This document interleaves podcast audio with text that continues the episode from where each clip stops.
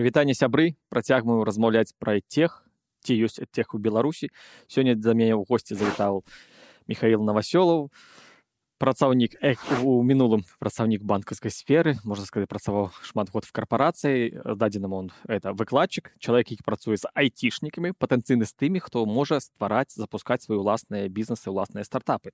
Прывітанне міша. Каротка що для гледачоў распавядзі пра сваё свой эксперыенс свой досвед каб все больш разумелі шчыра вітаю і дакладна цябе Женя і усіх а, ну так получилось что с 17 лет я работаю в банковской системе э, Интекс, э, Белнешэкономбанк, э, Белагропром и последние 13,5 лет это ВТБ э, до ну, неполные 28 лет. Э, инвестиционный банкинг, ценные бумаги, валюта. Э, в 2013 году э, меня попросили провести курс э, госрегулирования рынка ценных бумаг в Академии управления. Э, там я два года, получается, с этим курсом был. И из-за этого э, попал э, в Институт бизнеса, тогда это был ГЕУСТ при БГУ. И там у меня был финансовый менеджмент, э, фундаментальный технический анализ. И э, появилась еще такая дисциплина, самая моя любимая для второго курса «История денег». А в семнадцатом году, уже после того, как ты заманил меня на хакатоны, а, меня пригласили в ГУИР, а, на кафедре информатики есть прекрасная дисциплина технологии обработки финансовой информации. И вот получается, сейчас я остался там тоже с выпускным курсом. Вот такой опыт. Не потому что я его искал, не потому что я как-то устал от э, финансовой сферы, но э, опыт пригодился, и, в принципе, наверное, это самый замечательный и вдохновляющий э, способ прийти в образование, когда тебя попросили. Ці можна можа быць жартаўлівае пытанне як некаторыя выкладчыкі ну патэнцыйны выкладчыкі які ўжо таксама сыходзяць як ты там з кампаній ідуць паралельна працаваць у выну розныя каледжы што якасць не тая выпускников, и то есть ты не доверяешь этим, этим ВНУ теперешним, этим выкладчикам, пойду я сам рыхтовать по тебе будущую базу. Ты можешь сказать, что правильно такое меркаванне ці на сапраўды такое існуе что я бачу э, дети дети цудоўные дети замечательные а они они меняются они меняются гораздо больше чем меняемся мы ну взрослые консервативные сформировавшиеся со своим опытом опыт держит рамки как как, собственно говоря, да. А, они каждый год немножко другие. А, они э, в чем-то слабее. А, то, что нам кажется ценным, какие-то навыки, там, собранность, способность фокусироваться на чем-то скучном, на чем-то нужном, возможно, это теряется. Но они добирают э, своими актуальными навыками. У меня есть ноу-хау. А, каждое первое занятие, вот новая группа, знакомимся, э, я их радую, что у нас сейчас будут две контрольные работы. А, достаньте листок бумаги, напишите на одной стороне контрольная работа номер один, на второй контрольная работа номер два. Э, фамилия, номер группы. Ужасно пугаются. Ну, естественно. Потом я говорю, на обе работы вам будет всего лишь пять минут, так что не бойтесь еще больший стресс. Значит, контрольная работа номер один — это перечислить пять книг, а, которые вы считаете важными. В идеале прочитанных за последние полгода, но иллюзий у меня нет, поэтому, в принципе, вот вам кажется какая-то книга важной, упомяните. Не обязательно по теме, то есть вот у меня экономисты, айтишники, не обязательно специализированная литература. И контрольная работа номер два — это пять важных новостей, в идеале за последний месяц или еще лучше за последнюю прошедшую неделю, то, что вы считаете важным. И вот этот вот срез, э, который в стрессе э, немножко написан и э, без возможности э, как-то э, включить голову, очень о многом говорит. И, конечно, мне больше говорят о списке книг, потому что это очень хорошо характеризует. Вот, вот про это я могу еще много чего рассказать. Там есть много антиутопий, там есть, вот видно, полочки, э, как у родителей от бабушки досталось, там, может быть, Ремарк, э, Булгаков, э, Достоевский, может быть, набор там 1984, 451 градус по Фаренгейту, Скотный двор, Дивный новый мир, может быть Гессе, а, могут быть, в общем-то, философские труды, могут быть новые а, немножко в кавычках, э, скажем так, философы или лидеры мнений, там, Юваль Нори Харари, а, Джордан Питерсон, вот эти вот вещи. Может быть интересная специализированная литература. Некоторые пытаются возможно, заработать очки, упоминаю там капитал, еще какие-то такие э, кирпичи знаний. Э, но, конечно же, фокус не в этом, а в том, что э, вот так вот очень дешево и сердито получая интересный срез. И после этого, после того, как я осознаю, что они написали, вторая работа, конечно, сложнее, потому что новости, э, новости отторгаются. Вот чем ближе ты к детству, тем дальше тебе хочется держаться от вот этого потока. А, там вплоть до того, что может быть о погоде, о том, что у меня был день рождения, о том, что произошла какая-то медийная э, импреза, ну, то есть что-то там со знаменитостями, с музыкантами, или где-то был, э, там, выпустили новую игру, например. А, но, но, все равно видно, насколько они вовлечены э, вот в повестку, в поток событий, а, потому что когда, допустим, э, мы занимаемся фундаментальным и техническим анализом, ну, это просто. Фундаментальный анализ — это опыт прочтения новостей, а технический анализ — это опыт рассматривания графиков. И, в принципе, вот любой предмет мы стараемся разбирать на кубике, э, и после этого опять собирать и усложнять. Так вот, э, книги говорят о том, э, насколько они уже состоялись, э, то есть что у них внутри. Книги — это то, что внутри. А новости — это то, что для них важно, это такой информационный экзоскелет. Ну, по крайней мере, для меня, вот я несколько лет, 7-8 точно, держусь за вот эти приветственные контрольные работы, и все их храню, и это очень интересно.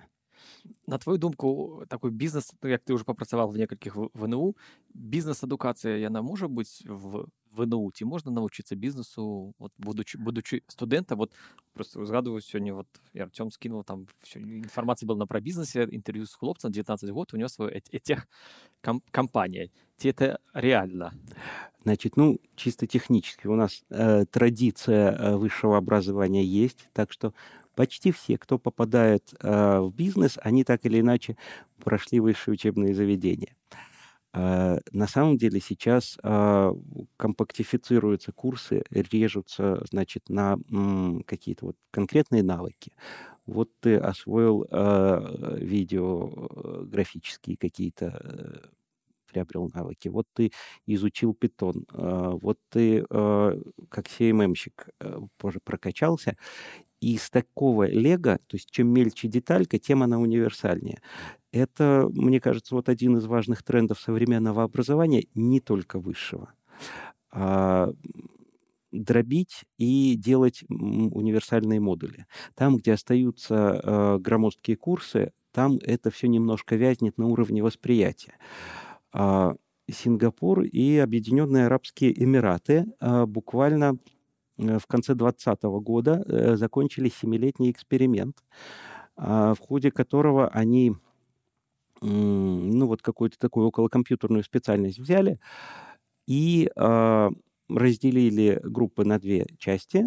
В одном была традиционная, э, так, значительная теоретическая часть, плюс офлайн, ну, образование, к которому мы привыкли. Э, другое делали максимально практикоориентированным, а, кейсы, задачи и онлайн. А, ну и смотрели э, усидчивость, э, посещаемость, выполняемость домашних работ и так далее.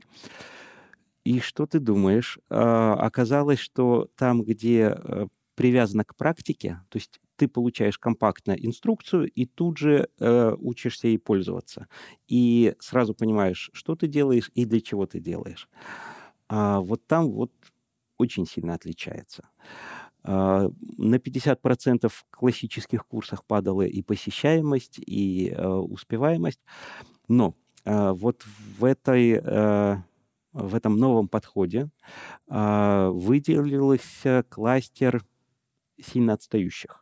То есть вот при том, что в целом э, группы по новой методике показывали фантастические результаты по сравнению с традиционным обучением, там тоже э, появились аутсайдеры, э, но, ну, то есть это еще анализирует, э, предварительный вывод, что э, одна часть — это изначально менее готовые к цифровому обучению люди, ну, просто по географии происхождения, допустим, Юго-Восточная Азия, там вот сразу попали на высокотехнологические курсы, не успевали. А вторая составляющая вот этих отстающих — это те, которые, ну, в общем-то, пришли за бумажкой, за дипломом. Ну и одно дело, ты на лекции посидишь, поковыряешь носу, а другое дело, когда от тебя требуется, в общем-то, серьезная работа, э, большая динамика, хорошее погружение, и ты к этому не готов, ты, в общем-то, не за этим пришел. А вот такой вот эксперимент — это грубо говоря, вот немножко про тренды. А, курсы пересобираются, и те вузы, которые, в общем-то, не хотят меняться, они, я думаю, что много чего упустят. А что сами компании могут зрабіць полепшить там бізнес-адукацыю ці ну, прадпрымальніцкія там навыки компетенции студентов я думаю что это, это уже происходит а, в Бугуире в моем родном а, ЭПАМ, ну, господи, это все уже чуть-чуть история, но это, э, как это, практическая история. Э, создаются лаборатории, э, создаются какие-то мероприятия внутри университета, создаются мероприятия внутри компании. Студенты приглашаются. Огромная ценность и маркер — это инициативность, это готовность, в общем-то, поучаствовать в любом движе, э, готовность сходить на метап, готовность посетить хакатон, готовность взять задачу, которая интересна а, предприятию, спонсору, а, донору. Ну, то есть у нас этой традиции еще нету, чтобы бизнес поддерживал образование, потому что э, считается, что образование должно быть преимущественно государственным, хотя оно прекрасно приватизируется и э, становится более мобильным, э, более адаптивным и более эффективным. Так вот, уже со второго курса понятно, на каких студентов можно рассчитывать в качестве ценных сотрудников, а какие, в общем-то, хотят пожить студенческой жизнью по максимуму, и что из них вырастет, это мы посмотрим уже ближе к диплому. А, и вот эти студенты, которые за любой движ, это такой золотой песок, к которому очень большой интерес и внимание. Что может делать компания, и неважно, это IT-компания или банк, она может входить а, в ВУЗ, она может засылать своих а, сотрудников а, провести какую-то открытую лекцию, а, приглашение к профессии, а, э, день открытых дверей у себя, что вот вы приходите, и это можно делать и офлайн традиционно, и даже онлайн. И те студенты, которые, в общем-то, не поленились запустить Zoom или Skype, чтобы посмотреть на компанию изнутри, а, ну, по-моему, даже какой-то этих предлагает э, в качестве услуги или опыта э, виртуальный рабочий день в какой-нибудь крупной компании, то есть по крайней мере, идея такая существует. Вот это все крючки, которые будут э, позволять компаниям затягивать лучших, э, потенциально лучших студентов к себе в штат, к себе в сети. Мне кажется, что это совсем не сложно. И, в общем-то, студенты понимают о том, а, чем они будут заниматься, а, они э, заранее знакомятся с актуальными задачами. Потому что есть стереотип, э, который, к сожалению, не очень далек от правды. А, вот вы закончили обучение в университете, пришли на работу, и за три дня должны забыть все, чему вас учили, и начинать, в общем-то, погружаться в реальный мир. Ну, это же кошмар. Надо уже на втором-третьем курсе понимать, в какой мир ты попадешь, и надо, чтобы запросы этого мира соответствовали учебной программе. Вот в чем наши вузы часто провисают. А, есть такая не совсем любимая мной э, а, мебель в аудитории, называется кафедра. Вот эта вот деревянная штука, на которой лежит книга. Это восходит, в общем-то, к таким раннехристианским и даже до временам. Это место, на котором собственно говоря, лежит книга, и этой книге, этому конспекту учителя, который пришел и читает, а остальные слушают и, может быть, записывают, а, может быть, несколько лет. Она написана по источникам, которым, может быть, лет 10 или 20, по идеям, которые защищались и э, излагались лет 50 назад, по, э, в общем-то, мыслям и э, исследованиям, которым один, два, три или пять веков. Тот же закон спроса и предложения, он э, где-то 1450-х первое упоминание, но он обосновывался, обрастал мясом, изложен был Самуэльсоном, и вот э, это не значит, что он не работает или что он устарел, но мир стал немножко сложнее. Э, факторов, э, которые влияют на спрос и на предложение, мы теперь можем учить гораздо больше – и вот этот вот конспект, он, он должен быть более живым. Э, поэтому то, что мне хотелось бы убрать из аудитории, это кафедры, и это преподаватель, который пришел с конспектом. А, можно по-разному относиться к кейсам, к практическим вот этим занятиям, а, но они цепляют студентов, и по своему опыту э, когда ты начинаешь рассказывать, допустим, про эволюцию денег, от ракушек каури, от камней острова Яб, от вот этих вот ивовых веточек, э, бирок э, палаты шахматной доски в Англии, там с 10 по, э, не знаю, 18 век, э, китайские бумажные деньги, там, римские сестерцы, что у них общего с современным, допустим, рублем, долларом или биткоином. То есть про что, в принципе, деньги? Про отношения долга, про социальную технологию, про способ сглаживания конфликтов.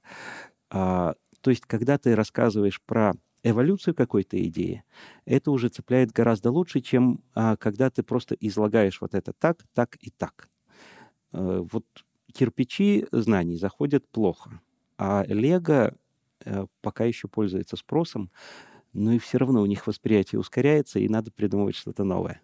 Добро, когда корпорации, какие-то компании заходят в университеты, ну, добро, да, вот лаборатории есть, да, а вот, кажешь, э, ну, некие лекции открытые там, какие-то вот, ну, а хіба там можна убачить на этих студентов, зразумець, хто, хто з іх патэнцыйны, альбо студент, ну, паслухай, што ёсць такая кампанія, ну, і наколькі зразумее якія можа быть ёсць фарматы як зацікавіць і аўдыторыю студэнцкую там да інавацый каких-то тада і кампаній не абавязкова айцішныя зразумелае пытанне па банкі прынамсі твои ці кого ты ведаеш сацыяльны капітал вялікі там да? Э, ведаеш вот ты э, пришел э, в аудиторию поточные лекции допустим 4 или 5 групп ну и вот как их расшевелить вообще о чем они а, на мой взгляд, а, самый важный навык, который, в общем-то, выбивается из а, студентов, ну вот еще даже в школьное время, это способность задавать вопросы.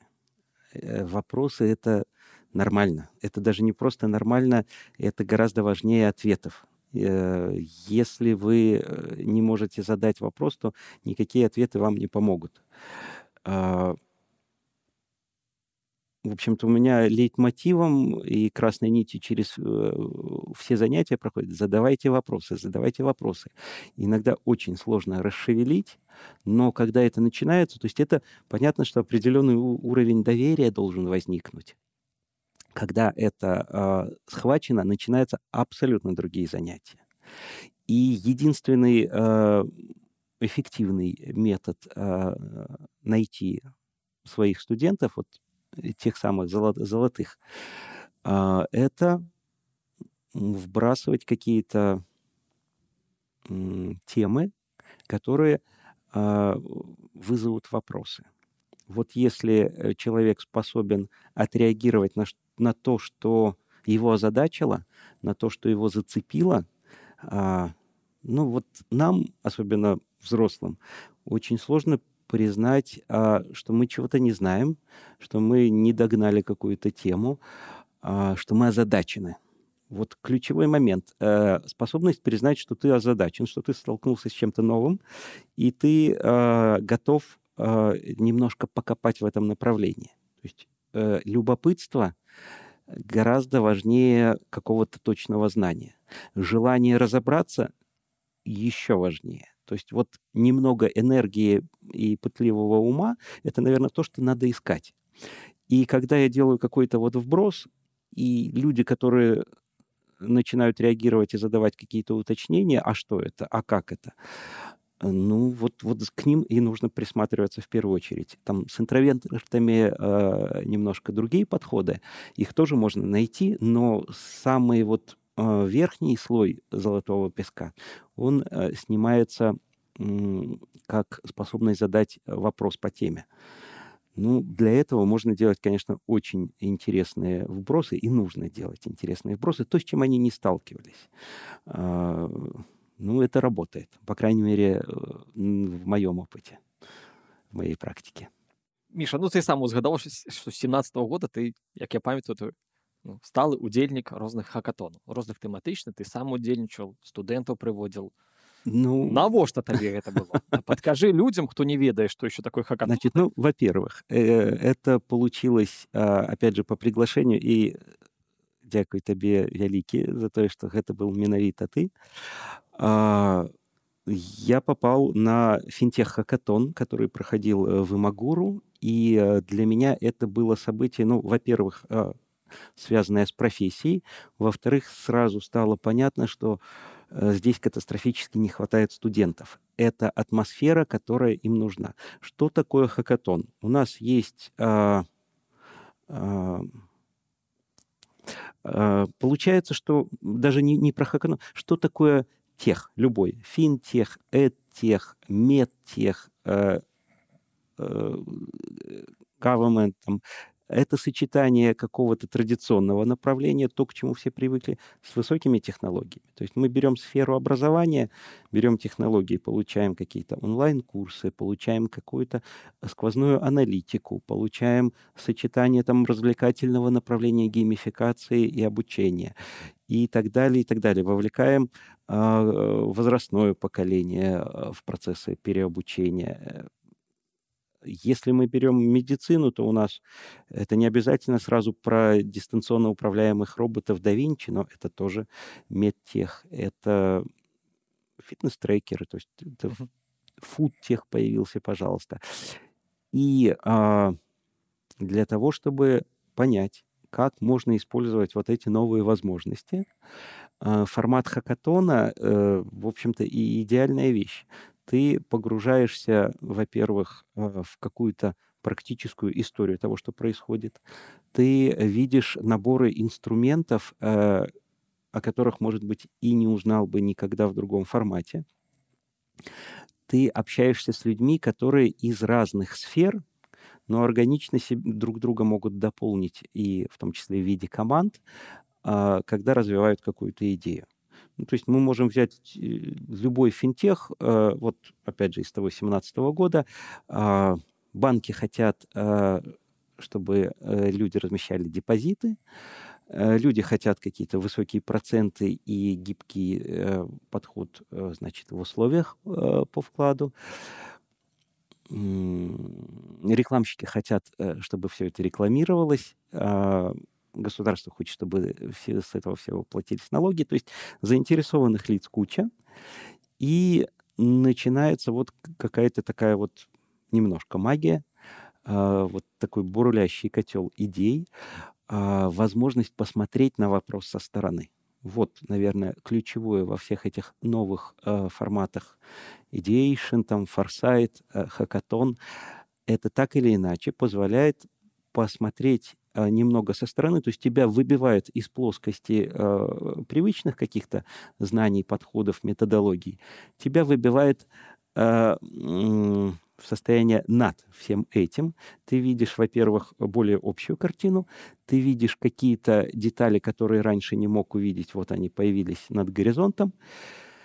Ты знакомишься с новыми людьми, э, получаешь доступ к какой-то их экспертизе, к их э, знаниям, подходам, навыкам, ты делишься сам, что может быть лучше. И, это, и формат менторства. То есть если хакатон инициирует, допустим, банки, университеты, IT-компании, с другой стороны, опять же, банки, университеты, IT-компании, интересы могут пересекаться, меняться местами а, что делают студенты э, в этом деле? Если мы разрабатываем э, не какие-то такие решения специфические, э, ближе к каким-то традиционным э, направлениям, а ориентируемся на бизнес, который будет э, востребован у молодежи, скажем так, поколение альфа, там, миллениалы, вот, ну, то есть какую-то аудиторию актуальную, без участия малых это делать вообще почти бессмысленно. Они не обладают опытом, они не обладают компетенциями, но они добавят актуальность, они помогут верифицировать вообще, имеет ли смысл э, наша идея замечательная, как их осчастливить и как на них э, нажиться с точки зрения бизнеса. Если у нас не будет в компании, э, в команде э, студентов, школьников старших, мы рискуем придумать э, что-то ненужное, изобрести велосипед. Ну, вот, вот как минимум для этого они нужны, не считая того, что э, вот все эти 10 лет э, в вузах э, меня наполняют верой и надеждой, что все у них будет хорошо, что мыслят они, э, когда надо, крайне творчески, необычно и масштабно, то есть они могут создавать, э, например, э, в Гуировце мы и сделали движок для 3D-игры. Но персонаж, объект, который, в общем-то, которым управляет человек, он примерно неподвижен. А сжимается или растягивается до плюс-минус бесконечности пространство вокруг него. А, ну, то есть вот движок игры управляет геометрией пространства. А, когда ты на это смотришь, даже в демо-версии, немного укачивает. То есть это пространство могут закручивать спиралью. Ну вот далекая стена в коридоре, ее могут, можно притянуть. То есть просто переставили с ног на голову идею о перемещении э, объекта в игре. Игра становится центром притяжения, ну, в смысле, а, герой, герой становится центром притяжения, а все остальное летает. В общем, э, мы сошлись на том, что они мне из этого сделают э, хороший тессеракт, то есть четырехмерный куб. Вот в этой среде, говорю, покажите мне четырехмерный куб, и будет вам десятка, и разойдемся по-хорошему, без всяких даже мучений на экзаменах. Но сам подход мне понравился. И такое можно встретить постоянно. А, другое дело, что ну, за это уже не бьют по рукам, и то замечательно. Но понять, что вот они себе напридумывали, это тоже, в общем-то, вызов и усилия от преподавателя. А, к этому надо быть готовым, э, это надо в себе вырабатывать. То есть хороший руководитель бизнеса понимает ценность идеи креатива. Вот Уолт Дисней э, от момента основания компании за каждую маленькую идею платил сотрудникам по 5 долларов. То есть вот какой-то гэг, э, какое-то движение, какой-то там персонаж, какая-то шутка, каждый раз тебе будет 5 долларов дополнительно. Надо поощрять э, креативность, а ресурс для этого у них есть. У них, может быть, не все навыки э, заточены на то, чтобы вот так вот прям креативить сразу, но они к этому более чем предрасположены. Ну, ты уже со своего досвіда ты ж не толькі сам удзельнічаў хакатонах ты еще в розных на розных хакатонах і праграмах ты ментрил подлеткавых стартапы там студэнцкія стартапы ты бачыш іх узровень ну можаш стосоткаў сказаць што патэнцыйна ёсць ёсць добрыя ідэі якія можна маштабаваць трансфармаваць ну і ператвараць у рэальны стартапы і зарабляць уже на гэтым. А як вяртаючыся да твою банкаўскай сферы чаму на твою думку банкі в нашай прынамсі краіны не так ахвотна інвестуюць? Но яны могуць падтрымоўваць мерапрыемства часцей за ўсё А чаму не ідуць трэба далей не запускаюць уласныя нейкія там акселератары уласныя інкубатары не падтрымліваюць іншае? Што это зарэгуляванасць адсутнасць экспертызы унутры саміх банкаў што не ведаюць як это страхі нейкія? Ну, што, што можаш простой ответ вот это вот все а, чуть более сложный он идет э, от стереотипов что там банки любят тишину э, деньги любят тишину банковский бизнес консервативный и вот это вот все но когда начинается конкуренция или когда начинаются вызовы, ну, скажем так, э, санкционные, э, какие-то технологические, кто не успевает, кто не адаптируется, э, тот, в общем-то, с пляжа уходит. Критерий эволюции основной, ну, то есть вот критерий отбора, это не самые большие зубы, не самые сильные мускулы, это адаптивность. Изменилась экология, Э, поменялись, э, я не знаю, ну вот, вот изменилась среда, ты должен успеть измениться вместе с ней под новые условия или уйти с пляжа. Вот эволюция идет сразу во всех направлениях, но какие-то выживают, а какие-то отмирают.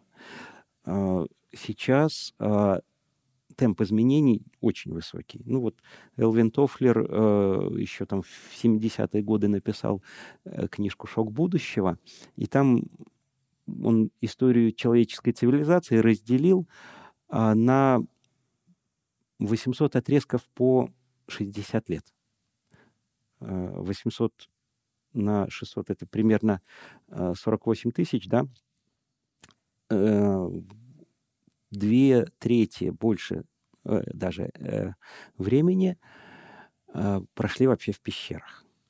Э, только, допустим, 7, 10, 7 тысяч лет назад мы начали э, аграрную революцию, пшеница одомашнила человека, или наоборот, э, там, животноводство. И параллельно с этим все равно были еще племена охотников, кочевников, э, все дела. А Потом э, у нас появился алфавит. Мы получили возможность надежно сохранять знания. Ну, сколько? Вот последних отрезков таких по 60 лет. Ну, дай бог, чтобы пару сотен. Ну, то есть это все, все можно посчитать. А когда у нас прошла э, эпоха географических открытий, когда она вызвала необходимость научного прогресса, это уже 1400-е какие-то. Когда у нас э, началась промышленная революция, когда возникли э, паровой двигатель, ткацкий станок, потом конвейер. И Тофлер показывает, что, в общем-то, все самое удивительное, э, средства связи, там, трансконтинентальные какие-то коммуникации, самолеты, телевизоры, а, вот все, что связано с применением электричества э, в его 70-м году, вот возникло в течение последнего отрезка. Все, что вот, все самое важное, что нас окружает, он говорит. Ну и уже в ретроспективе, э, глядя на период с 70 по 20 мы видим, что на самом деле нет. На самом деле все самое интересное возникло вот только сейчас и при нас и этот темп нарастает. Когда мы варимся внутри, мы даже не замечаем, как э, одна технология сменяет другую. Э, вот приволакиваю студентам перфокарту, э, там гибкую дискету, такую вот большую, совсем гибкую 5-дюймовую, дискету пожестче на 1,2 мегабайта трехдюймовую, Э, вот вам первые флешки, вот вам э, CD-диск классический, вот вам CD-диск маленький, вот вам CD-диск в виде э, пластиковой карты, и такие форм-факторы были. Э, флешечка, SD-накопитель, вот, вот как развиваются просто э, носители от бумажного листа, показываешь перфокарту пробитую и спрашиваешь, сколько здесь байт информации, по-вашему. И их экспертная оценка очень сильно разнится. Кто-то может сказать тут э, пара слов, кто-то скажет 6,5 мегабайт информации. Вот самое интересное, конечно, откуда они берут с потолка вот эти цифры. Потому что на самом деле пара слов гораздо ближе. Ну, там до э, а, 200 бит можно примерно набить. То есть это какая-то короткая команда, какая-то короткая инструкция, небольшой кусочек данных на перфокарте. Но это было, это вот э, эволюция, которая произошла при нас, в наш от, отрезок времени. А, Элвин Тофлер, вот чтобы вернуться к нему и закрыть, он э, не случайно назвал книгу «Шок будущего». Он говорил о том времени, когда скорость изменений будет настолько быстрая, что люди просто сойдут с ума. В качестве примера он говорил, что вот если э, человека из пещеры поместить в средневековый город, ну, для него это будет просто такой скачок технологий, который убьет который э, покажется невыносимым, не, непредставимым, к которому нельзя адаптироваться. А если средневекового человека окунуть в современный мегаполис, то вот можно э, достичь похожего эффекта. Но вот этот вот лак, он сокращается. А, и как должно выглядеть время, э, как должны выглядеть технологии, чтобы мы сошли с ума и не смогли к ним адаптироваться. Мне хотелось бы, допустим, лет там в 70-80 освоить самые современные на то время гаджеты, ну, потому что я вижу прекрасных старичков там с трекерами, с планшетами, которые не боятся погружаться в технологии, это нормально. Может быть, Тофлер немножко э, зря волнуется. Но вот весь этот спич, это был про адаптивность, про то, что надо а, не бояться нового и уметь перестраиваться Ты застал тыя часы калі в банку зарабляли і мала і там і звыш прыбыткі калі там тысячи людзей працавалі там чэргі стаялі каб у банку ладкавацца калі зарплаты заробку у банкаўскай сферы былі там в топ-5 там лепшых там часы меняюць что тычыцца можна сказать можаш сказаць про адукацыю ну нейкую банкаўскую адукацыю внутри самих банках ці ёсць такая патрэба ну як мы кажам про тех подкажы может быть не банкі беларускія замежныя у іх ёсць патрэба бо мы чуем только что сбер універсітэт ёсць нейкі асобны проект А что чым можна еще натхніць что наших слухачоў якая банкаўскі прадукт адукацыйны тех для банкиров может быть корыстны. Банки, когда стали вот такими самодостаточными корпорациями, когда э, это немножко превращается уже вот Э, в маркетплейсы, в платформы, когда это действительно большие структуры, э, вот эта осознанная потребность э, в подготовке кадров, в переподготовке, в переобучении, она выливается в внутрибанковские, в корпоративные университеты. И такая структура была не только у Сбера и есть, она есть и у ВТБ. И так или иначе остальные банки направляют на семинары, на курсы повышения квалификации. Если ты специалист, ну вот, например, в области э, ценных бумаг, то 5, 5, э, раз в 5 лет ты должен подтверждать квалификацию, проходить э, обучение и сдавать э, два экзамена э, ну, вот в формате тестирования, достаточно серьезных. Это, скажем так, одна часть. Э, есть много мероприятий командообразующих есть мероприятия, которые призваны создать новые продукты. То есть это близко к форсайтам, это близко к мозговому штурму. Э, банки приглашают коучей, э, банки приглашают специалистов, которые помогают организовать команду э, внутри банка из работников, настроить на разработку нового продукта. Банки обучаются гибким методологиям. А, agile, э, вот agile приходит в банки, хотя, казалось бы, где консервативные подходы, а где у нас, э, как это, вот эти вот и, и идеалы agile и э, как может быть продукт важнее инструкции. Наш же Нацбанк заругает. Ну, может, может. И оказывается, что гибким методологиям место в банках есть. И позиции там, того же фасилитатора, который помогает организовать небольшую команду внутри и работать уже... То есть часть банка работает в режиме IT-компании со своими там треками, э, со своими тасками. Вот это, это новое, это я вижу, ну, может быть, последние лет пять а, становится прям модным, важным. А, ну, как двигаться дальше, если мы не адаптируемся? Образование — это лучший способ адаптироваться.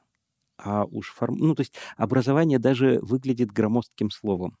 Мы говорим образование, и сразу вот школа, университет, э, вот, угу. вот какие-то такие длительные процессы, э, формализованные. Вот есть план обучения, вот есть программа курса, вот есть еще какая-нибудь ерунда. На самом деле образование тоже дробится на э, такие кусочки, э, на подходы, на кейсы, на э, практические занятия. И ты получил описание инструкцию, ты попробовал ей сразу же воспользовался, ты нарисовал скетч, ты э, создал слоган, и потом эти идеи, которые ты научился создавать, начинают вариться в общем котле, и получается интересный, неожиданный, э, непредсказуемый результат. Э, готовность к непредсказуемому результату это очень важное качество для современного руководителя. Если мы хотим, чтобы все было по плану, ну, практически мы обречены. Если мы готовы столкнуться с чем-то новым, а, распознать его ценность, поддержать и направить в дальнейшее развитие, ну, тогда шансы у нас неплохие. Так, а некий продукт потрібен там банку? Можна ж зараз щось створити? Ці банки користуються LMS-ками какими-то чужими, ті вони набивають ці всі платформи, ті вони розпрацьовують свою с чем можно зайти до, до белорусских банков, и, ну и не только. Можно, ну то есть если мы говорим о каком-то совершенно новом направлении для банка, ну вот э, тот же Agile, э, ты в любом случае пригласишь уже э, состоявшегося э, специалиста, команду с репутацией, с историей внедрения, которые покажут, что вот мы решим, попробуем вам решить вот эти, вот эти, вот эти задачи, мы научим э, таким, таким, таким подходом, сформируем команды внутри. Это услуга, это важно. Э, что еще можно? Ну, вот эти вот командообразующие семинары, ну, это, допустим, было, но теперь они направлены э, на, допустим, вот есть розница, есть взаимодействие банка э, с физическими лицами. Ну, банк, в принципе, стоит на трех китах. Любое э, банковское дело – это э, депозиты, мы привлекаем средства, платим процент. Это кредитные инструменты, мы привлеченные деньги э, раздаем под чуть более высокий процент. И в середине расчетно-кассовое обслуживание и все, что связано э, с прочими услугами банка, включая там инвестиционные услуги, там, а, особенности, особо хитрые какие-то расчеты, там, а, факторинг э, и так далее. Но вот эти три кита, э, то есть я очень сильно упрощаю, но примерно так мы начинаем со студентами говорить, чтобы общая картина была. Банк делает вот эти три направления классический банк. Если это уже идет трансформация в какой-то необанк, в цифровой банкинг, то какие-то направления могут сжиматься уходить э, в чистый онлайн, в чистую цифру. Но классически вот это такая база. Э, что банку нужно с точки зрения технологий, э, на самом деле тоже можно упростить до двух направлений. Вот все, что касается финтеха, это вот, сори, что отвлекаюсь от это, это все, что касается идентификации, ну, то есть понять, что за этим смартфоном, за тем ноутбуком, э, за этим терминалом банкомата именно ты. Вот как можно быстрее это понять и как можно надежнее. И второй момент с этим связанный – это, грубо говоря, кредитная твоя история. То есть история максимально полная твоих финансовых отношений конкретно с этим банком, а желательно вообще но она должна быть защищенной, она не должна уходить в сторону. Ну, то есть вот с этими двумя вопросами э, много технических э, решений уже существует и еще больше понадобится. Они позволяют э, банку превратиться вот в этот э, полностью цифровой банк. Они позволяют тебе, не задумываясь, пользоваться финансовыми услугами и так далее. Но, казалось бы, где здесь тех и образование? А потому что все самое интересное, оно происходит на стыке. Ну вот нельзя э, заниматься только образованием, только экономикой или финансами, только медициной. А если мы говорим о бизнесе, а, бизнесмен должен а, понимать, что происходит а, в сфере развлечений. А, ну вот тоже это немножко контринтуитивно, но а, если сравнить а, весь мировой рынок нефти и даже прибавить к нему весь мировой рынок а, вооружения, ну кажется, что это такая вот белая кость, это какие-то глыбы, а, самые емкие рынки, и поставить против них, допустим, а, только один рынок, а, допустим, ресторанный или только а, медицинское обслуживание или отдельно фармакологию, то вот эти вот направления окажутся в разы крупнее. А, ну, на самом деле это очень логично, потому что то, что людям нужно каждый день, то, что ты сможешь продать примерно 8 миллиардам людей, то и будет э, самым капиталоемким, самым э, потенциально интересным направлением. А если айтишник замыкается только, скажем, в среде программирования, он э, не поймет, допустим, как э, соединить медицинское направление с высокими технологиями, как соединить банковское направление, э, как оптимизировать управление маленькими компаниями, стартапами, э, как развивать биотех. Э, ну, ну, происходит просто столько всего, что востребована энциклопедичность она немножко у нас, э, ну, э, побита Википедией, э, побита возможностью очень быстро получать ответы, и мы получаем много ответов, но мы не понимаем, почему так. А, вот то, что нужно образованию сейчас, это возвращать а, смыслы Э, вот за дроблением курсов на э, маленькие детали Лего очень важно э, регулярно задавать студентам еженедельно, допустим, писать эссе о том, что вы сделали, что вы поняли, как это может быть востребовано в ближайшем будущем, в далеком будущем. Крупные университеты, ну, Гарвард, Стэнфорд и прочие Кембриджи, они формат вот этой обратной связи через эссе а, очень а, пользуют сильно и всегда. А, и ты по, абстрак... по ответу студента на какие-то абстрактные вопросы, практически на философские, ты понимаешь, вот что это за человек, ну вот то, что я делаю с помощью ответов простых на какие книги тебе кажутся важными, а, вот эссе очень своеобразная, невостребованная э, в нашем образовании э, вещь. Она, мне кажется, чрезвычайно важной, перспективной. Она может использоваться и внутри корпораций, э, внутри банков. По крайней мере, у нас были какие-то такие конкурсы типа «Идея для банка». Вот, пожалуйста, любой человек может написать идею, и это может быть от э, банальной достаточно вещи поставьте на коридорах кулеры, поставьте э, какие-нибудь э, кофеварки, у вас люди будут засиживаться. Ну, простая и коварная мысль. До предложения новых продуктов, э, до предложения новых направлений для банка. И в ходе таких корпоративных мозговых штурмов иногда вылазят э, не просто неожиданные вещи, иногда вылазят очень неприятные вещи.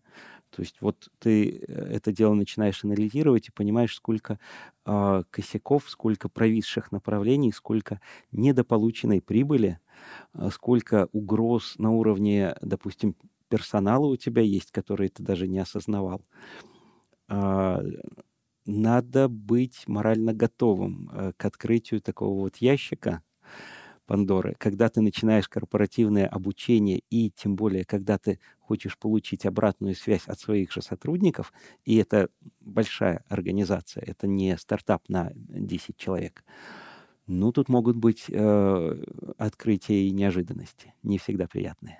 А як выкладчык можа быть падкажаш чаго не хапае якіх тэхналагічных рашэнняў можа б не хватаць ну беларускай адукацыі вышэйш там і ды любой свеце можа Ну, стабільнай галаграмы каб выкладчык быў адначасова ў трох аўдыторыях і там маглі задаваць пытанні ён аператыўна адказ мне с точки зрения вот технологий таких вот харда, э, мне не хватает возможности кинуть э, во время занятий фаербол. Ну, то есть я вот делаю так руками, у меня здесь возникает шаровая молния, ее видят все, я ее кидаю в кого-то целенаправленно, она красиво, быстро летит, шипит и разбивается э, студента.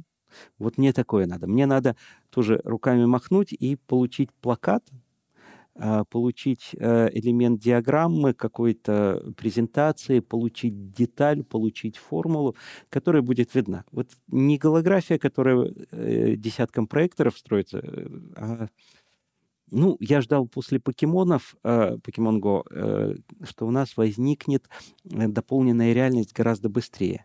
Был интересный проект э, Magic Leap. Они очень долго пилили очки э, супер э, будущего поколения. Но идея о дополненной реальности, ну вот это может быть какое-то небольшое забрало, и мы э, видим э, дополнительную какую-то виртуальную штуку. Она для нас общая. Э, не самое сложное решение. А, Пока его нет, но технологически мы к нему все ближе. А если говорить, э, скажем так, более серьезно и, скажем так, более локально, нас не учили оценивать риски. Нас не учили долгосрочному планированию. То есть каждый раз, когда вот тема горизонта планирования э, возникает со студентами, они мне говорят, а вдруг кирпич на голову упадет, и что, что мы тут будем планировать? Это на самом деле очень большая проблема, э, потому что горизонт планирования, он не то что 3, 5, 10 лет должен быть, он может выходить заведомо за пределы э, человеческой жизни. Ты можешь планировать и на 100 лет, несмотря на то, что все здесь э, бушует как море во время шторма, что все время происходят какие-то изменения. Эти изменения цикличны. Обращаясь вот к какой-то истории, а, ну, у меня так или иначе все вокруг э, финансов вертится, а, и даже не всегда финансовых технологий. И я вижу, что, ну вот как ДНК, да, две нити, которые помогают друг друга сохранить и эм, э, делают э, это, как это, юзабилити, то есть ДНК — это носитель информации, которым клетка научилась пользоваться. И вот а, финансы и искусство, деньги и искусство, деньги и политика, деньги и образование, деньги и бизнес, ну, в смысле, там какие-то путешествия, то есть развитие нового бизнеса, есть как кредитные деньги. Это всегда парный танец, и это а, трансформируется, но не исчезает. Деньги — это, в общем-то, форма доверия. А, В современной в современных учебниках, по крайней мере у нас, не рассматривают деньги как социальную технологию, как способ сглаживания конфликтов, а, не рассматривают их, ну вот, а, как отношение долга, то есть деньги в твоем кошельке означают, допустим, ты пришел в магазин, вот они означают, сколько магазин тебе потенциально должен. Ты э, работодатель и твой специалист, его уровень квалификации, это показатель того, сколько ты ему должен. То есть деньги — это, в общем-то, вопрос доверия, и это такое очень универсальное доверие. Мы от ракушек Каури и римских сестерцев органично переходим к биткоинам и криптовалюте, потому что крипта — это способ, э, ну, то есть блокчейн как технология — это способ эмулировать доверие там, где его исчезающе мало или нету вообще. Это такой вот запрограммированный консенсус. Если ты нарушаешь э, правила этого консенсуса, то система тебя просто отторгает, и ты не участвуешь во вза- взаимодействии с остальными.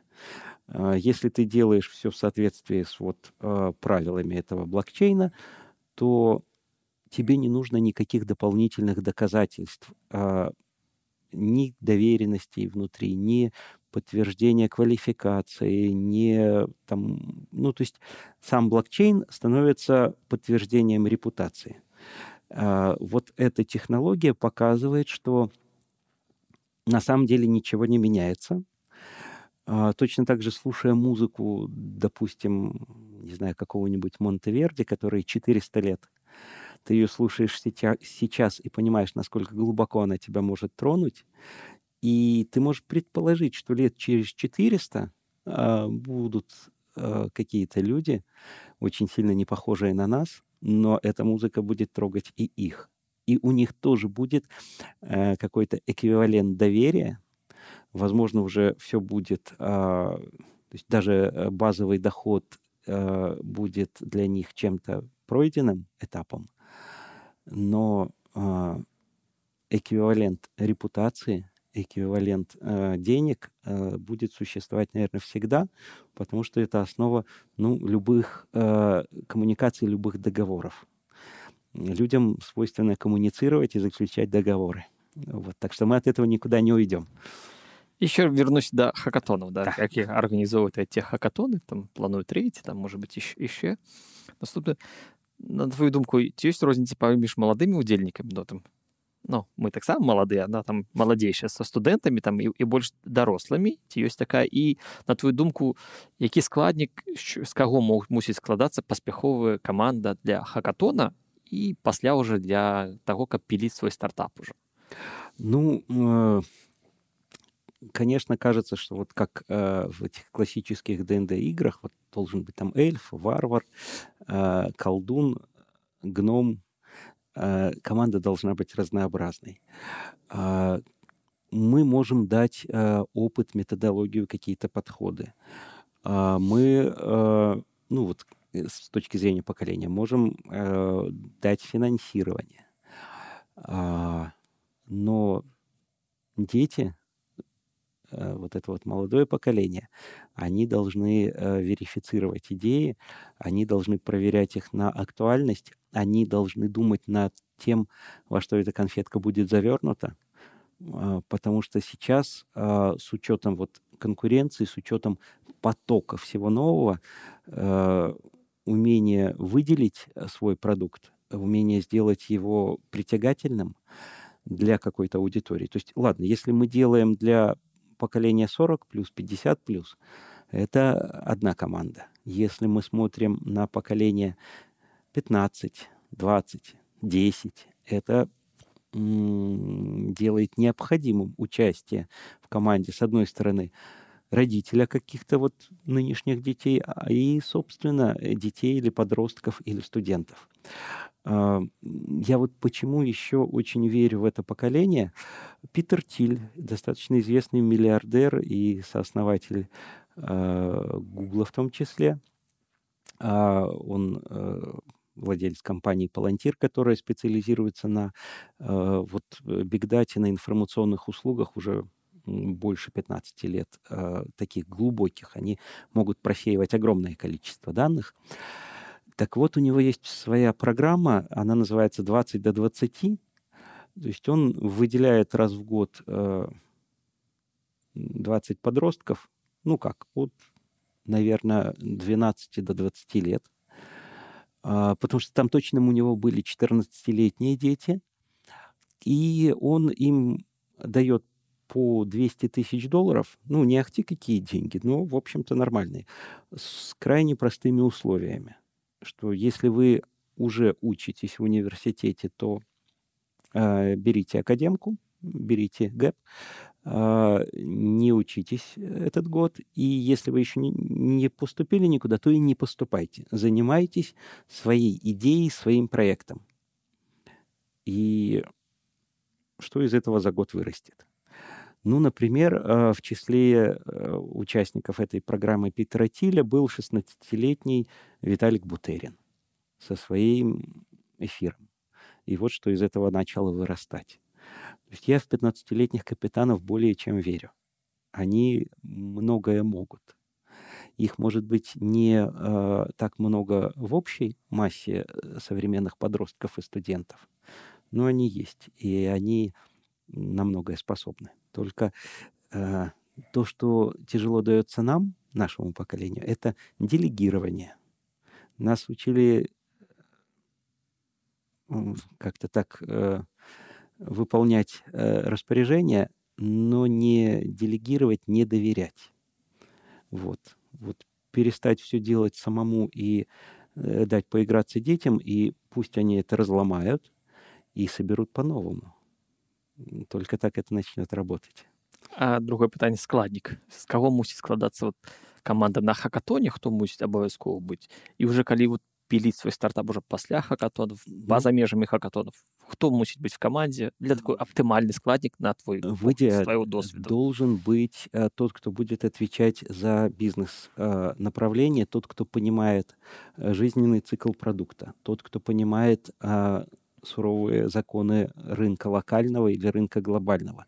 Тот, кто способен сориентироваться а, в правовых каких-то полях. Потому что так или иначе, если мы а, запускаем продукт или образовательный курс или неважно что, но у нас будет э, моменты сертификации с лицензиями.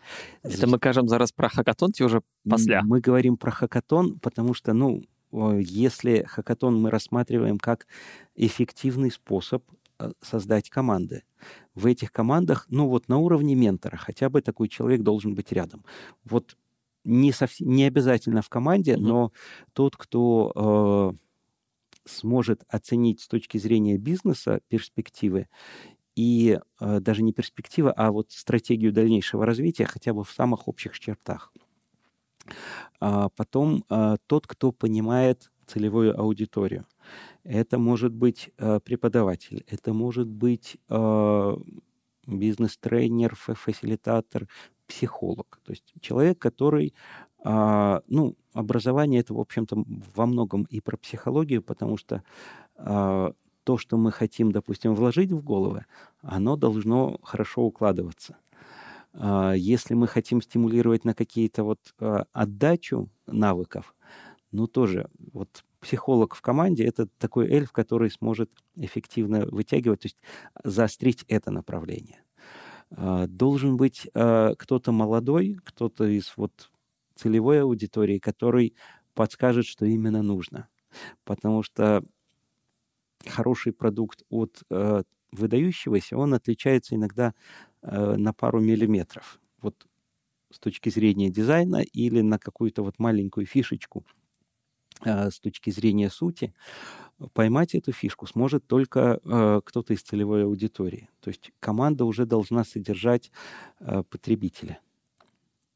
Ну, понятно, что должен быть э, кто-то вот из IT-направления, который привяжет к традиционной области приставку тех, и таких людей может быть несколько. Ну и, опять же, да, продажи, продвижение, это все может быть на уровне ментора, э, но так или иначе такого человека команде придется отрастить э, в случае успеха.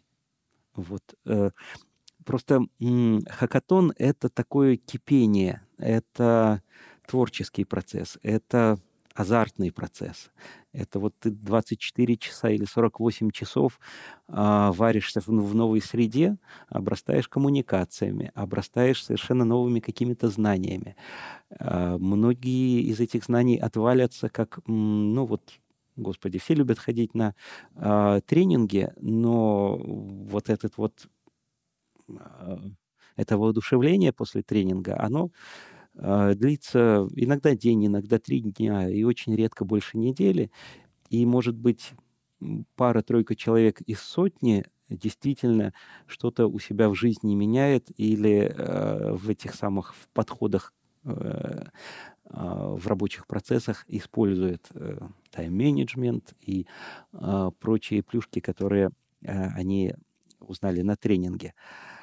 Хакатон — это более глубокое погружение, и это тоже, э, в общем-то, итеративная э, среда, итеративный процесс. Э, мы собираемся на какие-то промежуточные э, выступления, мы слушаем хедлайнеров, мы удерживаем в фокусе какой-то вопрос, какую-то идею. Это все очень здорово обогащает. всех участников. Идеальная команда, она, конечно же, должна быть разнообразной, но, но это может быть не всегда обязательно. Те, кто поддержит и разовьют э, ядро идеи, вот это вот зерно, а, ну, бывает и три человека, вот просто собрались, э, знают друг друга, знают, что хотят, и сделали прототип. Дальнейшее развитие уже действительно нужно будет там и э, протестировать там на целевой аудитории какое-то прототипирование или, как про Прокопеня говорил, претотипирование, то есть придумать, что у нас есть прототип, то есть ты хочешь открыть книжный магазин, а, но вместо того, чтобы арендовать э, какое-то какое место, ты арендуешь просто входную дверь. Там уже есть, допустим, какая-то кофейня или какая-то там маленькая компания. Ты заплатил им 50 долларов, они повесили у себя на три часа вывеску «Книжный магазин», и просто вот человек заходит и спрашивает, а где? а ты у него берешь обратную связь, спасибо, что зашли, вот, а вам правда интересно, чтобы здесь был магазин, а какие книжки? И получается, что ты за 50 долларов э, собрал данные, которые ты собрал бы, открыв магазин и понеся гораздо больше издержки. Вот хакатон — это тоже своего рода претотипирование. Мы притворяемся, что у нас уже есть прототип продукта. То есть еще вот два этапа пройти до, собственно, продукта но что-то мы можем понять уже сейчас. Вот в этом огромная ценность э, хакатонов, и, безусловно, поэтому э, и бизнес, и образовательные э, компании, университет — это компания. Они должны э, не пренебрегать этими инструментами. Не говоря уже о том, что ну, это движ. Это то, э, почему мы соскучились это то, что необходимо для развития каждого из нас, не только студентов. А Андрей Сахаров, он очень хорошо говорил о том, что а, человеческому обществу а, нужна интеллектуальная свобода. Он ее делил на три составляющие. Это свобода выбора и распространения информации – это вот не заангажированность, а, то есть свобода от догматов и авторитетов, и это безопасность а, в обмене а, знаниями и в получении знаний. В общем-то, очень ключевые вещи. Если у нас нарушается где-то интеллектуальная свобода, то у нас возникают очень серьезные эволюционные риски. Мы, как общество, можем быстро перейти к упадку. А, собственно говоря, история э, развития очень многих обществ подтверждает эту гипотезу.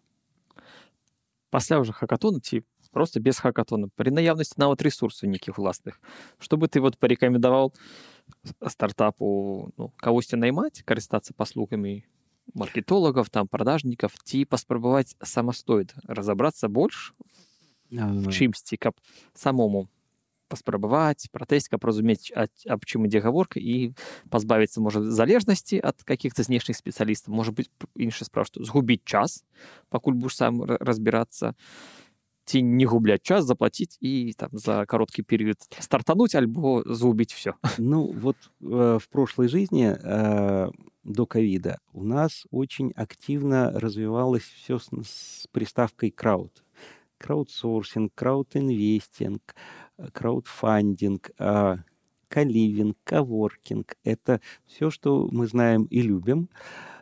это возможность пользоваться э, вот этими ресурсами сети. Э, люди, в общем-то, это не всегда иерархия, иногда это сеть. И, в общем-то, в столкновении иерархии и сети в среднесрочном и долгосрочном плане обычно побеждает сеть а, вот эта вот мудрость толпы. А, то есть я к чему? К тому, что получить а, фидбэк, получить какую-то экспертную оценку теперь очень несложно, недорого, и на самом деле этим нужно пользоваться. И то, что я вижу, что а, те же хакатоны, э, форсайты вернулись как а, способ э, проведения мероприятия. Меня это чрезвычайно радует. И они не устарели, они будут немножко видоизменяться, они будут более, скажем так, онлайн-френдли одновременно с тем, что происходит э, бурление вот физически собравшихся людей. Но э, ни в коем случае нельзя пренебрегать э, вот этими э, ко-инструментами, э, нельзя пренебрегать э, коммуникацией, кооперацией, э, совместным творчеством и, ну, э, венчурное инвестирование, оно существует уже больше там 25-30 лет. А, это более-менее понятная альтернатива банковскому кредиту на развитие. А, понятно, чем мотивированы и из каких а, расчетов исходят венчурные инвесторы. Понятно, что команде э, вот деньги почти без обязательств на развитие это кажется хорошее решение – но э, при этом существуют э, мега успешные стартапы, которые остались вот буквально таким семейным ядром, которые смогли избежать э, вот каких-то доп. вложений со стороны, которые превращаются там э, в 10% от их будущей стоимости. Ну, тот же Питер Тиль, первый крупный инвестор Фейсбука. Он вложил в них миллион долларов – и забрал миллиард долларов. Ну, прекрасное вложение, отличная инвестиция, успешный венчурный инвестор. Можно поздравить. А хорошо ли это было для Фейсбука? Ну, возможно, да, он уже вырос настолько, что не заметил потери этого миллиарда. Потому что дорога ложка к обеду.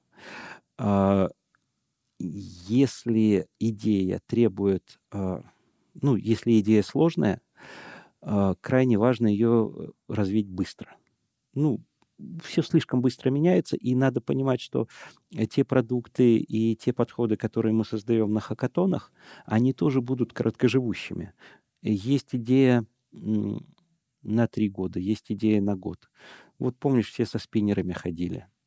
Где теперь эти спиннеры? А, попыты были-были, да и исчезли.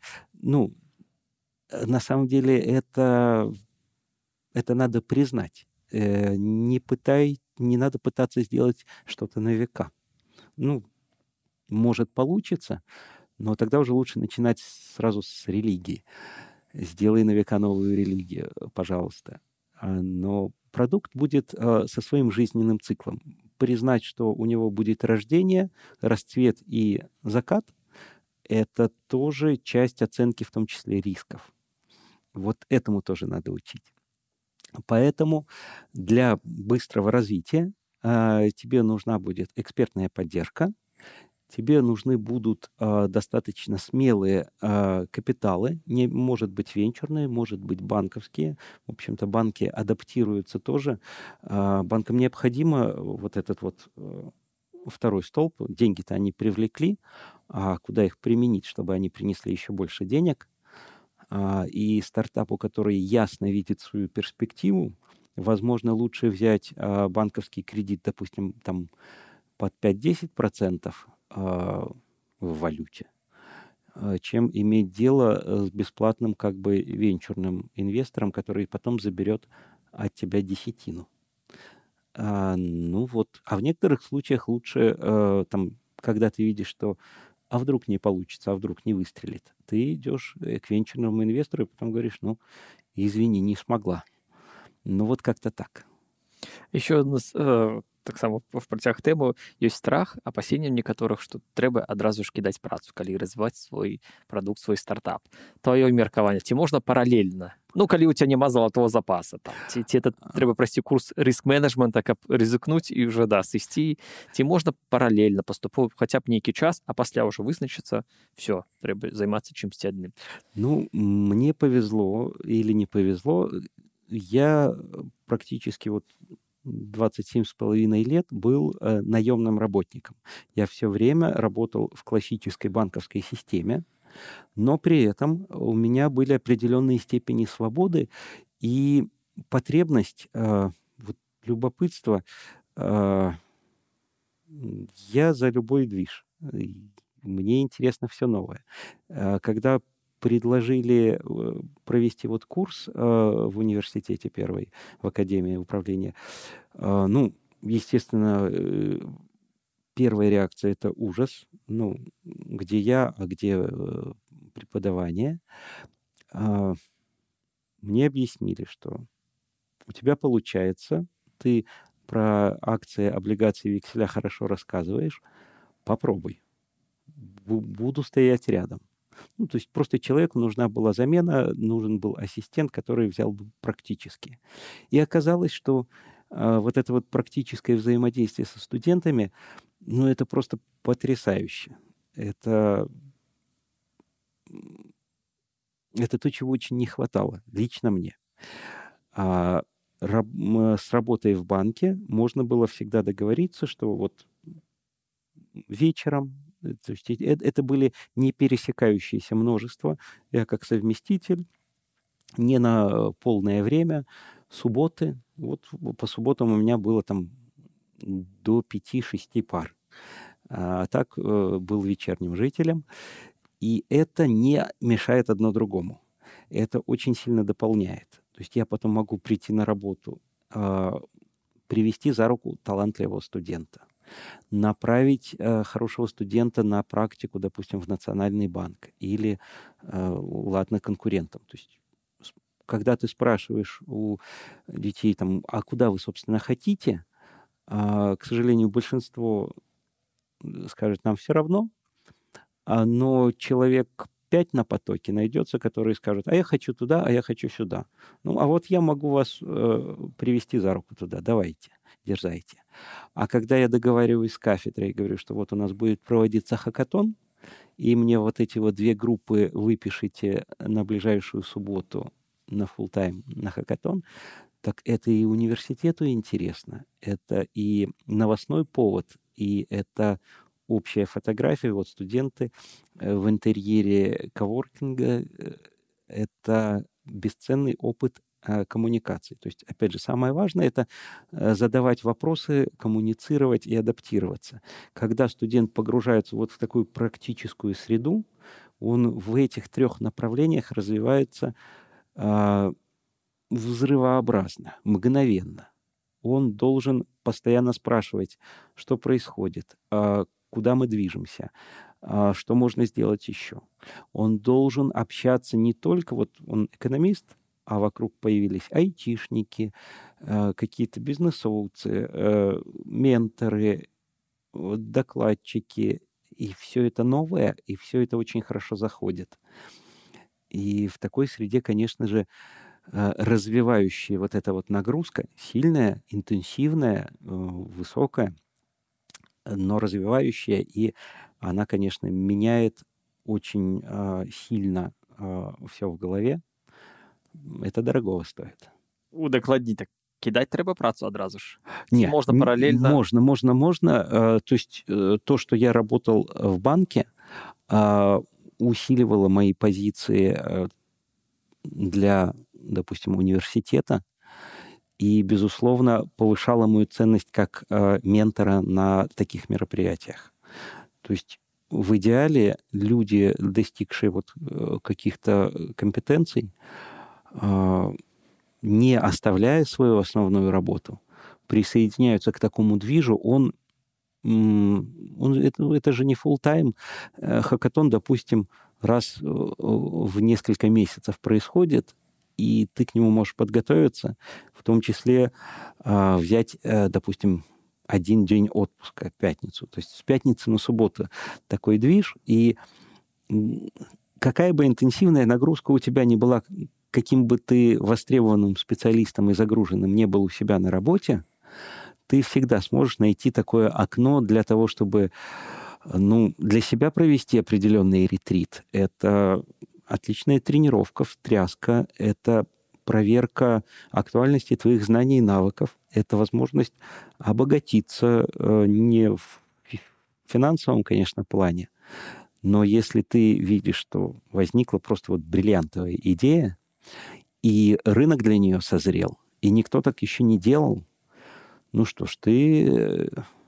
Э, и работы сейчас по-другому немножко подходят. Есть э, направление, э, ну, то есть есть понятие ценного сотрудника, и тебе могут сказать, что, окей, ты берешь сабатикл, ты на полгода уходишь в отпуск за свой счет, мы тебя как бы сохраняем за тобой вакансию, ты нам нужен, э, и, пожалуйста, попробуй нырни э, в стартап. Э, есть э, такие случаи, и ну, это наиболее здравый подход в такой ситуации.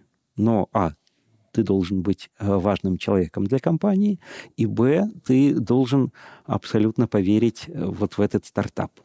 Чтобы так сразу обе звезды сошлись, это большая редкость, но это и, конечно, то, что нельзя упускать. Может, ты порекомендуешь какие-нибудь книги, курсы, youtube каналы для пачаткоўцаў хто жадае запусціць свой уласны адукацыйны праект Um... чаго пачаць падрыхтавацца ну безумоўна я заўжды рекомендую вот это youtube канал ці ёсць тех беларусі безумоўна тут выступаюць і удзельнікі хакатону і ментары і эксперты якія могуць что-то параіць может что-то я к сожалению не запустил ни одного образовательного э, стартапа ну не считая того что удалось э, со студентами скажем так э, испытать некоторые э, новые технологии. А, ну вот существует, например, а, аукцион Базермана. Это такой э, э гуру в MBA, который приходит в аудиторию к взрослым же уже состоявшимся бизнесменам и говорит, у меня есть 20 долларов, я хочу провести аукцион, стартовая цена 1 цент, э, играем на наличные. А, нюанс а, предпоследний участник аукциона отдает свою ставку а, победителю аукциона. А победитель аукциона уже покупает у меня эту двадцатку по той цене, на которой аукцион остановится. Поднимает бумажку, говорит, ну, один цент. А кому 20 долларов за один цент? Что ты скажешь? Ну, да. Да, да. Значит, 2 цента, 5 центов, 10 центов, доллар. Ну, цена растет. Собственно говоря, человек говорит 19 долларов, думает, что ну вот еще доллар остался. А другой человек говорит 20 долларов, потому что он понимает, что от этого человека я получу 19, я получу двадцатку и отдам двадцатку. Э, ловушка на самом деле захлопнулась уже, когда сказали один цент. И, точнее, когда кто-то ответил на ставку. И вот тот, кто говорил 19, он понимает, что что-то пошло не так, но говорит 21, потому что понимает, там я 20 получаю, там 20 и 20 отдаю. Тот говорит 25, ну потому что да.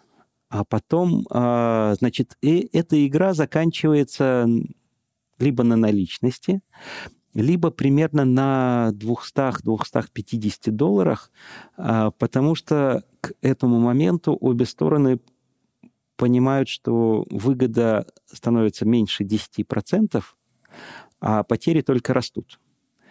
А, вопрос, с которым не справляются экономисты, но могут справиться айтишники, вот когда мы в такое играем, как остановить эту игру, когда ты назвал 20, э, твой оппонент назвал 21, и ты понял, что ловушка захлопнулась, какую цифру, какую стоимость ты должен э, назвать для этой купюры, чтобы аукцион остановился? Вопрос на самом деле очень простой. Но э, ну и один цент, что-нибудь и один цент. И это продолжится до бесконечности. Это, это, это не ответ. Ну, вот эту вот замануху оставим. Таких штук много. Вот я их собираю по крупицам, и это способ удержать внимание. Э, э, если делать какой-то образовательный курс, надо помнить про его практическое применение – то есть это или какая-то вот нарезка э, навыков в то, что можно освоить за пять минут, э, потому что, ну, рассеивается внимание. Сейчас мы э, под информационным давлением совершенно иначе э, воспринимаем информацию и совершенно по-другому можем ее усвоить. Э, нарезать на короткое, э, пользоваться какими-то... Ну, то есть чуть-чуть понимать в когнитивистике. То есть почитать Канемана, э, почитать, я не знаю, Мальком э, Гладуэлл, э, что видела собака, гении аутсайдеры, э, почитать э, Элизера Ютковского «Гарри Поттер и методы рационального мышления». Это книга, которую я вот просто студентам э, строго рекомендую прочитать. Э, она про когнитивные искажения, которым мы подвержены, и она про вот рациональные подходы, которые Э, не гарантирует успеха, но и избавляет от очень многих ошибок. Ну и просто она прекрасно написана. А, то есть каких-то универсальных книг, которые ты вот взял и пошел, а, их нету. Раньше, допустим, а, в том же, не знаю, в инвестиционных каких-то направлениях таким столпом был и остается Баффет, но это про долгосрочные инвестиции. А, рациональный инвестор, а, господи, как же его, Грехом, а, это книга, которая, наверное, уже скоро ей сто лет исполнится, лет 80 точно. Она не, не устарела полностью, но все слишком сильно изменялось, чтобы опираться на какой-то, э, на какого-то одного авторитета, на какой-то один подход. А, надо держать глаза открытыми, надо быть готовым к тому, что ты чего-то не знаешь. Вот чем чаще ты себе говоришь, я не понимаю вот этого, тем лучше ты себе даешь ориентиры, э, а где посмотреть. Благо источники информации сейчас э, чрезвычайно э, открыты в большом ассортименте просто бери и пользуйся. Но это уже такой самый тех, и, наверное, его каждый под себя допиливать должен сам. Как-то так. Питання для кожного гостя. Чи ти сам користаєшся какими-то адукаційними ресурсами, сервисами для себе, для сім'ї, ну і для професіонала? Для себе як фізичної особи, для себе як професіонала, для себя, может, что подкажешь, чего не хапает тебе там. Да? Лич... Как кажу, Андрей Карпенко все сказал, кто придумал сервис, які домашку будет робить за детей, как не батьки робили. А Этот сервис уже придумали, это называется чат GPT. Вот. И это, кстати, тоже очень интересный фактор, который э, влияет э, и на качество образования, и это вызов. И, безусловно, конечно, э, элементы нейросетей, искусственный интеллект — это то, что э, необходимо использовать. Это то, от чего нельзя отказаться. Ну, точно так же, как нельзя отказаться от визуализации, нельзя отказаться от, э, допустим, коммуникации через интернет. Ну, как, как без этого? Да никак. Но в моменте понятно, это вызов, и не только и не столько, допустим, экзистенциальный. Ну, вот а, в, буквально в прошлом году у нас появились а, MyJourney, тот же чат GPT, а, это генеративные нейросети. Они стали настолько эффективными, что не заметить этого не смог никто появились э, книги, э, изданные э, вот этим этой нейросетью с рисунками другой нейросети, и эти книги даже покупают зачем-то люди. А студенты пишут дипломные работы и неплохие дипломные работы. Эти чаты тестируются на предмет э, вот поступления или даже сдачи экзаменов, выпускных в университетах. То есть они стали способными отвечать на э, вопросы на уровне человека. Ну, то есть э, по примерным оценкам они сейчас отвечают не хуже, чем э, на уровне девятилетнего ребенка на самые неожиданные и общие человеческие вопросы, на самые неожиданные и общие формулировки. Э, меньше года назад они отвечали на уровне семилетнего ребенка, и пару-тройку, может быть, лет пять назад они уже отвечали на уровне 4-5-летнего ребенка.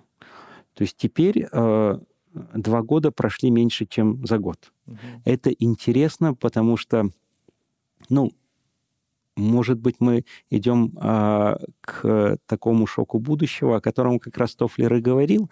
Может быть, как раз сейчас все изменится очень быстро. И из вот этого генеративного искусственного интеллекта возникнет сильный искусственный интеллект, который а, будет а, заниматься саморазвитием и а, очень быстро преодолеет человеческий уровень. А, я немножко сомневаюсь э, в возможности этого дела, э, но риски измеряются ну, уже даже не десятыми, не сотыми долями процента, а ну, мы видим, насколько все динамично пошло. А, человеку без подготовки очень сложно распознать, написана ли работа искусственным интеллектом, нейросетью, или она написана студентом. А, поэтому элементы а, очного образования, мне кажется, будут крайне востребованы. А измерять а, способность к мышлению, ну, то есть вот уже речь не про точные знания, а про способность а, пересобирать знания, конструировать, пользоваться. Вот как ты напишешь эссе, как ты сам справишься с достаточно абстрактным вопросом. А, не кем ты видишь себя через пять лет в нашей компании, а вегетарианство — это будущее человека. А, биотехнологии, вот где у нас этические какие-то маркеры — автопилоты э, в автомобилях. Э, вот как он должен принимать решение э, в опасной ситуации? Сворачивать в столб или в пропасть с пассажиром или сбивать человека, когда, ну вот, скользкое шоссе, тормозной путь он уже посчитал, и у алгоритма два выбора. Вот как с этими задачами будет справляться студент? Мне очень интересно и важно сейчас многое они, у них у самих очень много инструментов. И не только нейросетевые. А, я, возвращаясь к своей ситуации, в общем-то, такой а, олдскульный библиоман и библиофил, у меня все уходит в библиотеку, там примерно, наверное, уже три с половиной тысячи томов. Это научпоп, широкого спектра и физика, и математика, и биология, и э, весь Докинс, например, весь Карл Саган, э, весь Ричард Фейман. Очень много хороших книг все-таки успели перевести и издать на русском языке. Это достаточно богатая библиотека белорусской литературы народной мове. Это то, что потребно ось самому. Это художественная литература э, классическая, э, как э, пример изложения мысли. Э, это хорошая подборка экономической литературы, вот, скажем так, ближе к учебникам и ближе научно-популярной. Э, я очень рекомендую студентам книжку «Как устроена экономика» Хаджун Чанга. Она известная, и она фактически пересобрала микро- и макроэкономику, объединила вот эти экономические школы, показала, где они и как дополняют друг друга, что нельзя углубляться только в кейнсианство или только в институциональную экономику. Это все можно и нужно сочетать, но для этого надо сначала разобрать на простые составляющие. Это, допустим, Найл Фергюсон и «История денег», «Восхождение денег» называется книга. Вот эволюция от каких-то самых простых отношений к сложным структурированным финансовым продуктам. А, универсальных нет. Каждый должен... Ну, то есть я могу предложить 10-20 прекрасных книг. А сервисами неким ты користаешься? Есть патрэбы ці ці такі вот, ну, ты кажаш олдскульны такой вот можа, ну, сервис каб стварылі з кім можна абмяркоўваць кнігі онлайн допустим света лингвалео то есть языковые сервисы курсера у меня лично не взлетело хотя я пробовал несколько курсов пройти а, то есть вот Мне не Именно хватает... Курсера, ти, ти, в принципе, все такие платформы, там, онлайн такие все, курсы. все не, не пробовал, но вот лично мне очень важно видеть живого человека и, и взаимодействовать. А, другим может быть как раз-таки наоборот. А, то, что сейчас а, ведущие университеты мира расшаривают свои курсы электронные, бесплатные, онлайн, в удобном для тебя формате, и даже с автоматической какой-то эм, с, с автоматическим контролем знаний и прохождения. То есть ты получаешь всегда обратную связь. Это стало, ну, не обязательно на уровне чат-бота. Иногда ты даже с реальным преподавателем взаимодействуешь. Почему это делают э, университеты? Ну, во-первых, они могут тебе продать подтверждение э, прохождения курса в виде диплома и взять за это там 50 или 100 долларов. Потому что у них эти курсы уже существуют, их уже можно просто выложить и продать.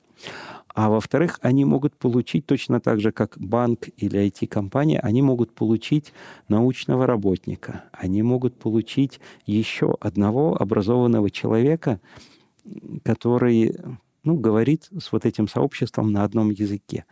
Это идеи просвещения, которым, конечно, 300 лет в обед, но они не потеряли своей актуальности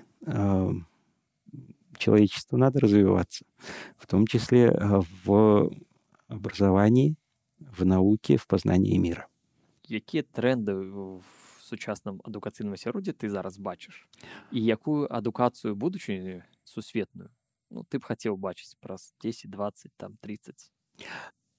Мы помним, как э, ткачи реагировали на первые вот эти вот мощные станки э, жаккартовские, лудиты, да, зажигали станки, потому что понимали, что остаются без работы. А, ну вот ушли э, как транспортное средство лошади, но кузнецы, в общем-то, не повесились все вот прям.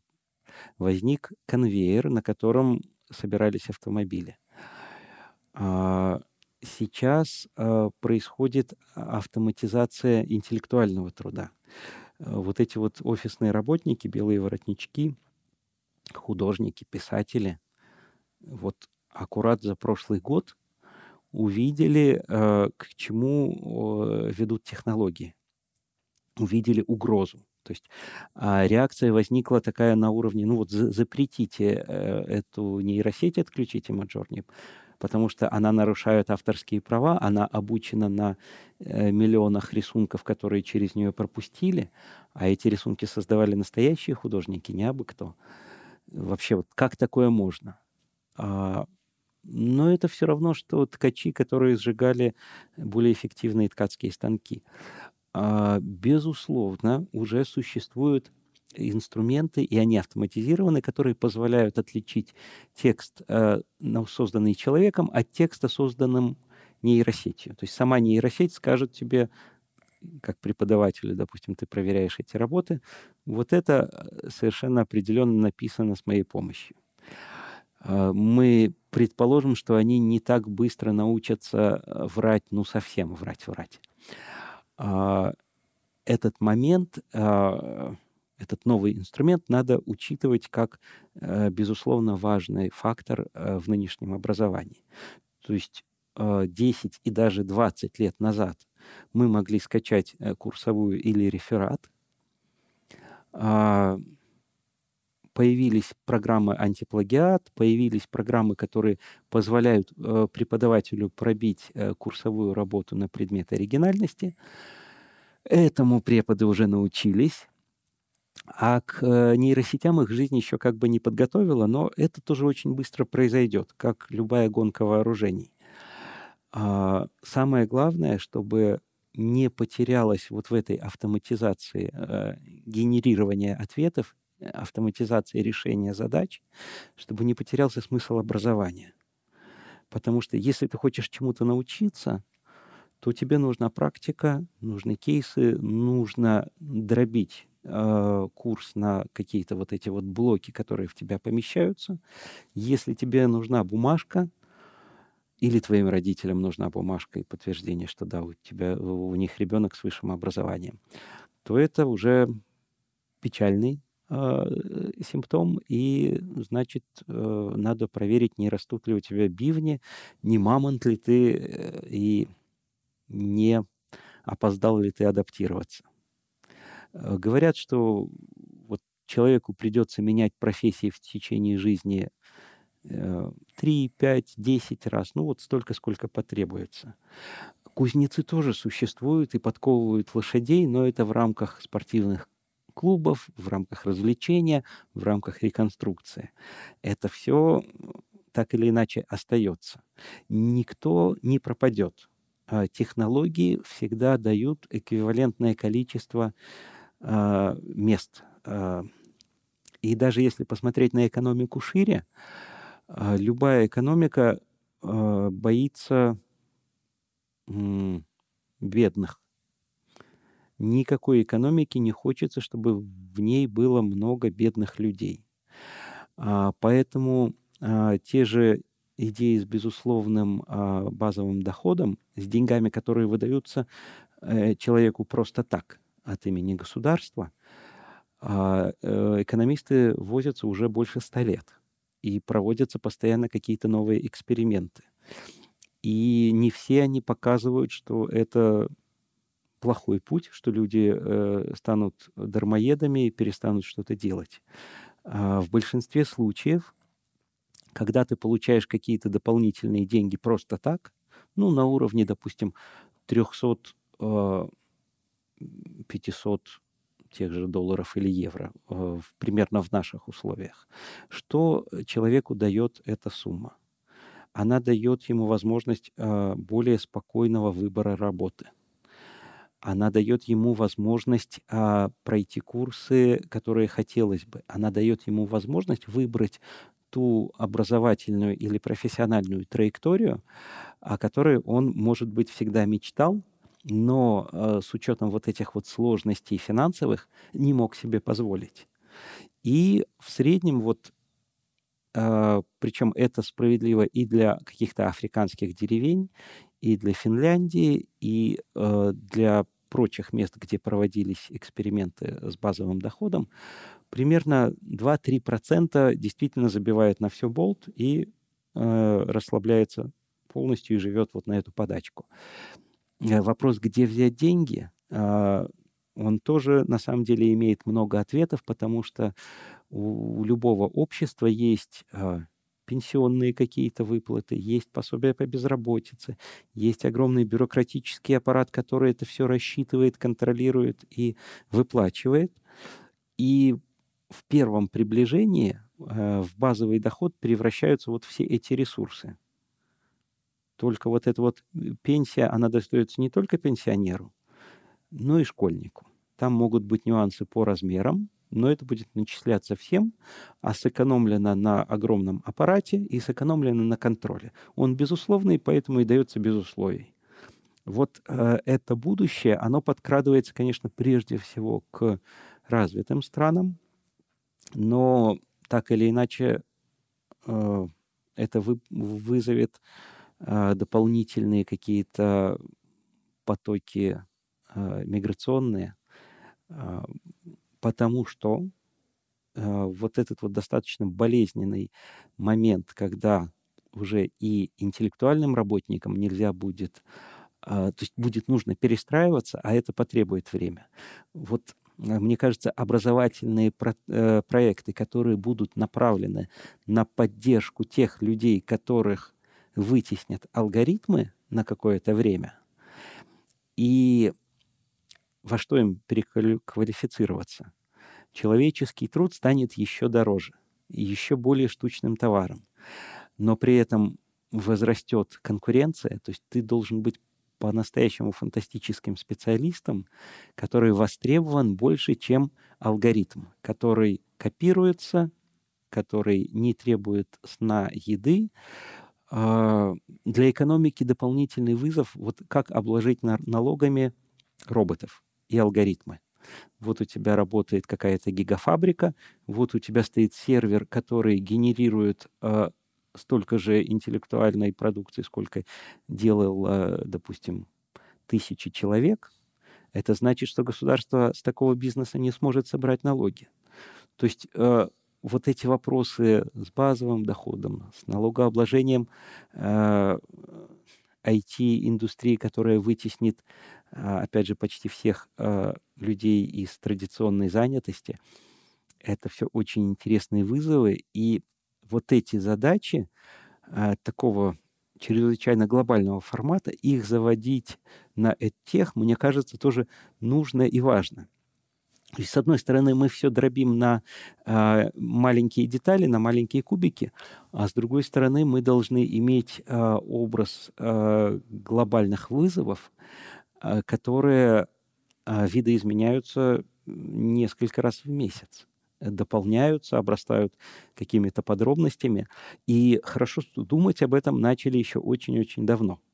И так вот полистаешь Нобелевских лауреатов, боже, они знали, к чему мы идем.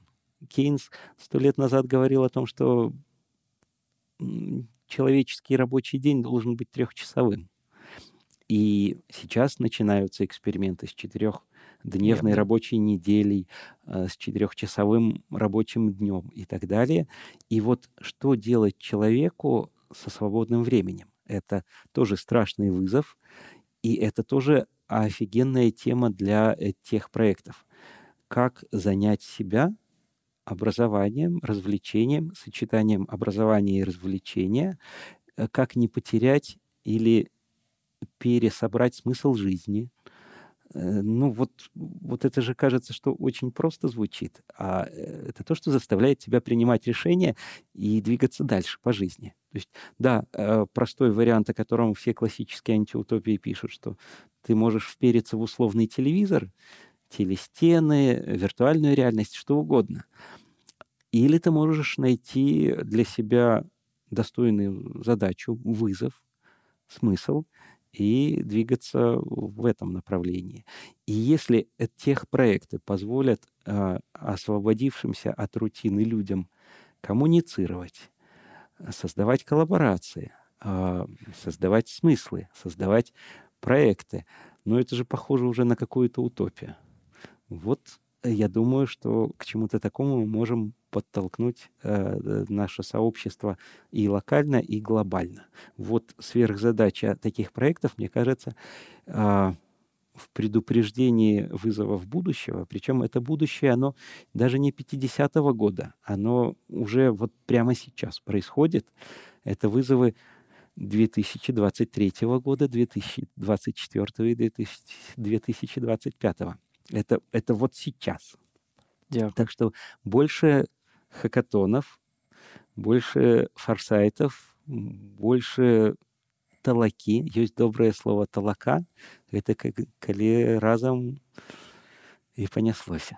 Калегі нагадаю што сёння у меня ў гасцях был Михаил Новоселов выкладчык шмат год адпрацаваў інвест... у банкаўскай сферы інвестыцыйным банкінгам як да інвестыцыйным банкінгам глядзіце відэа ставце лайки пакідайце каментары дзяліцеся гэтым відэа са сваімі сябрамі калегамі і да сустрэчах на новых відэа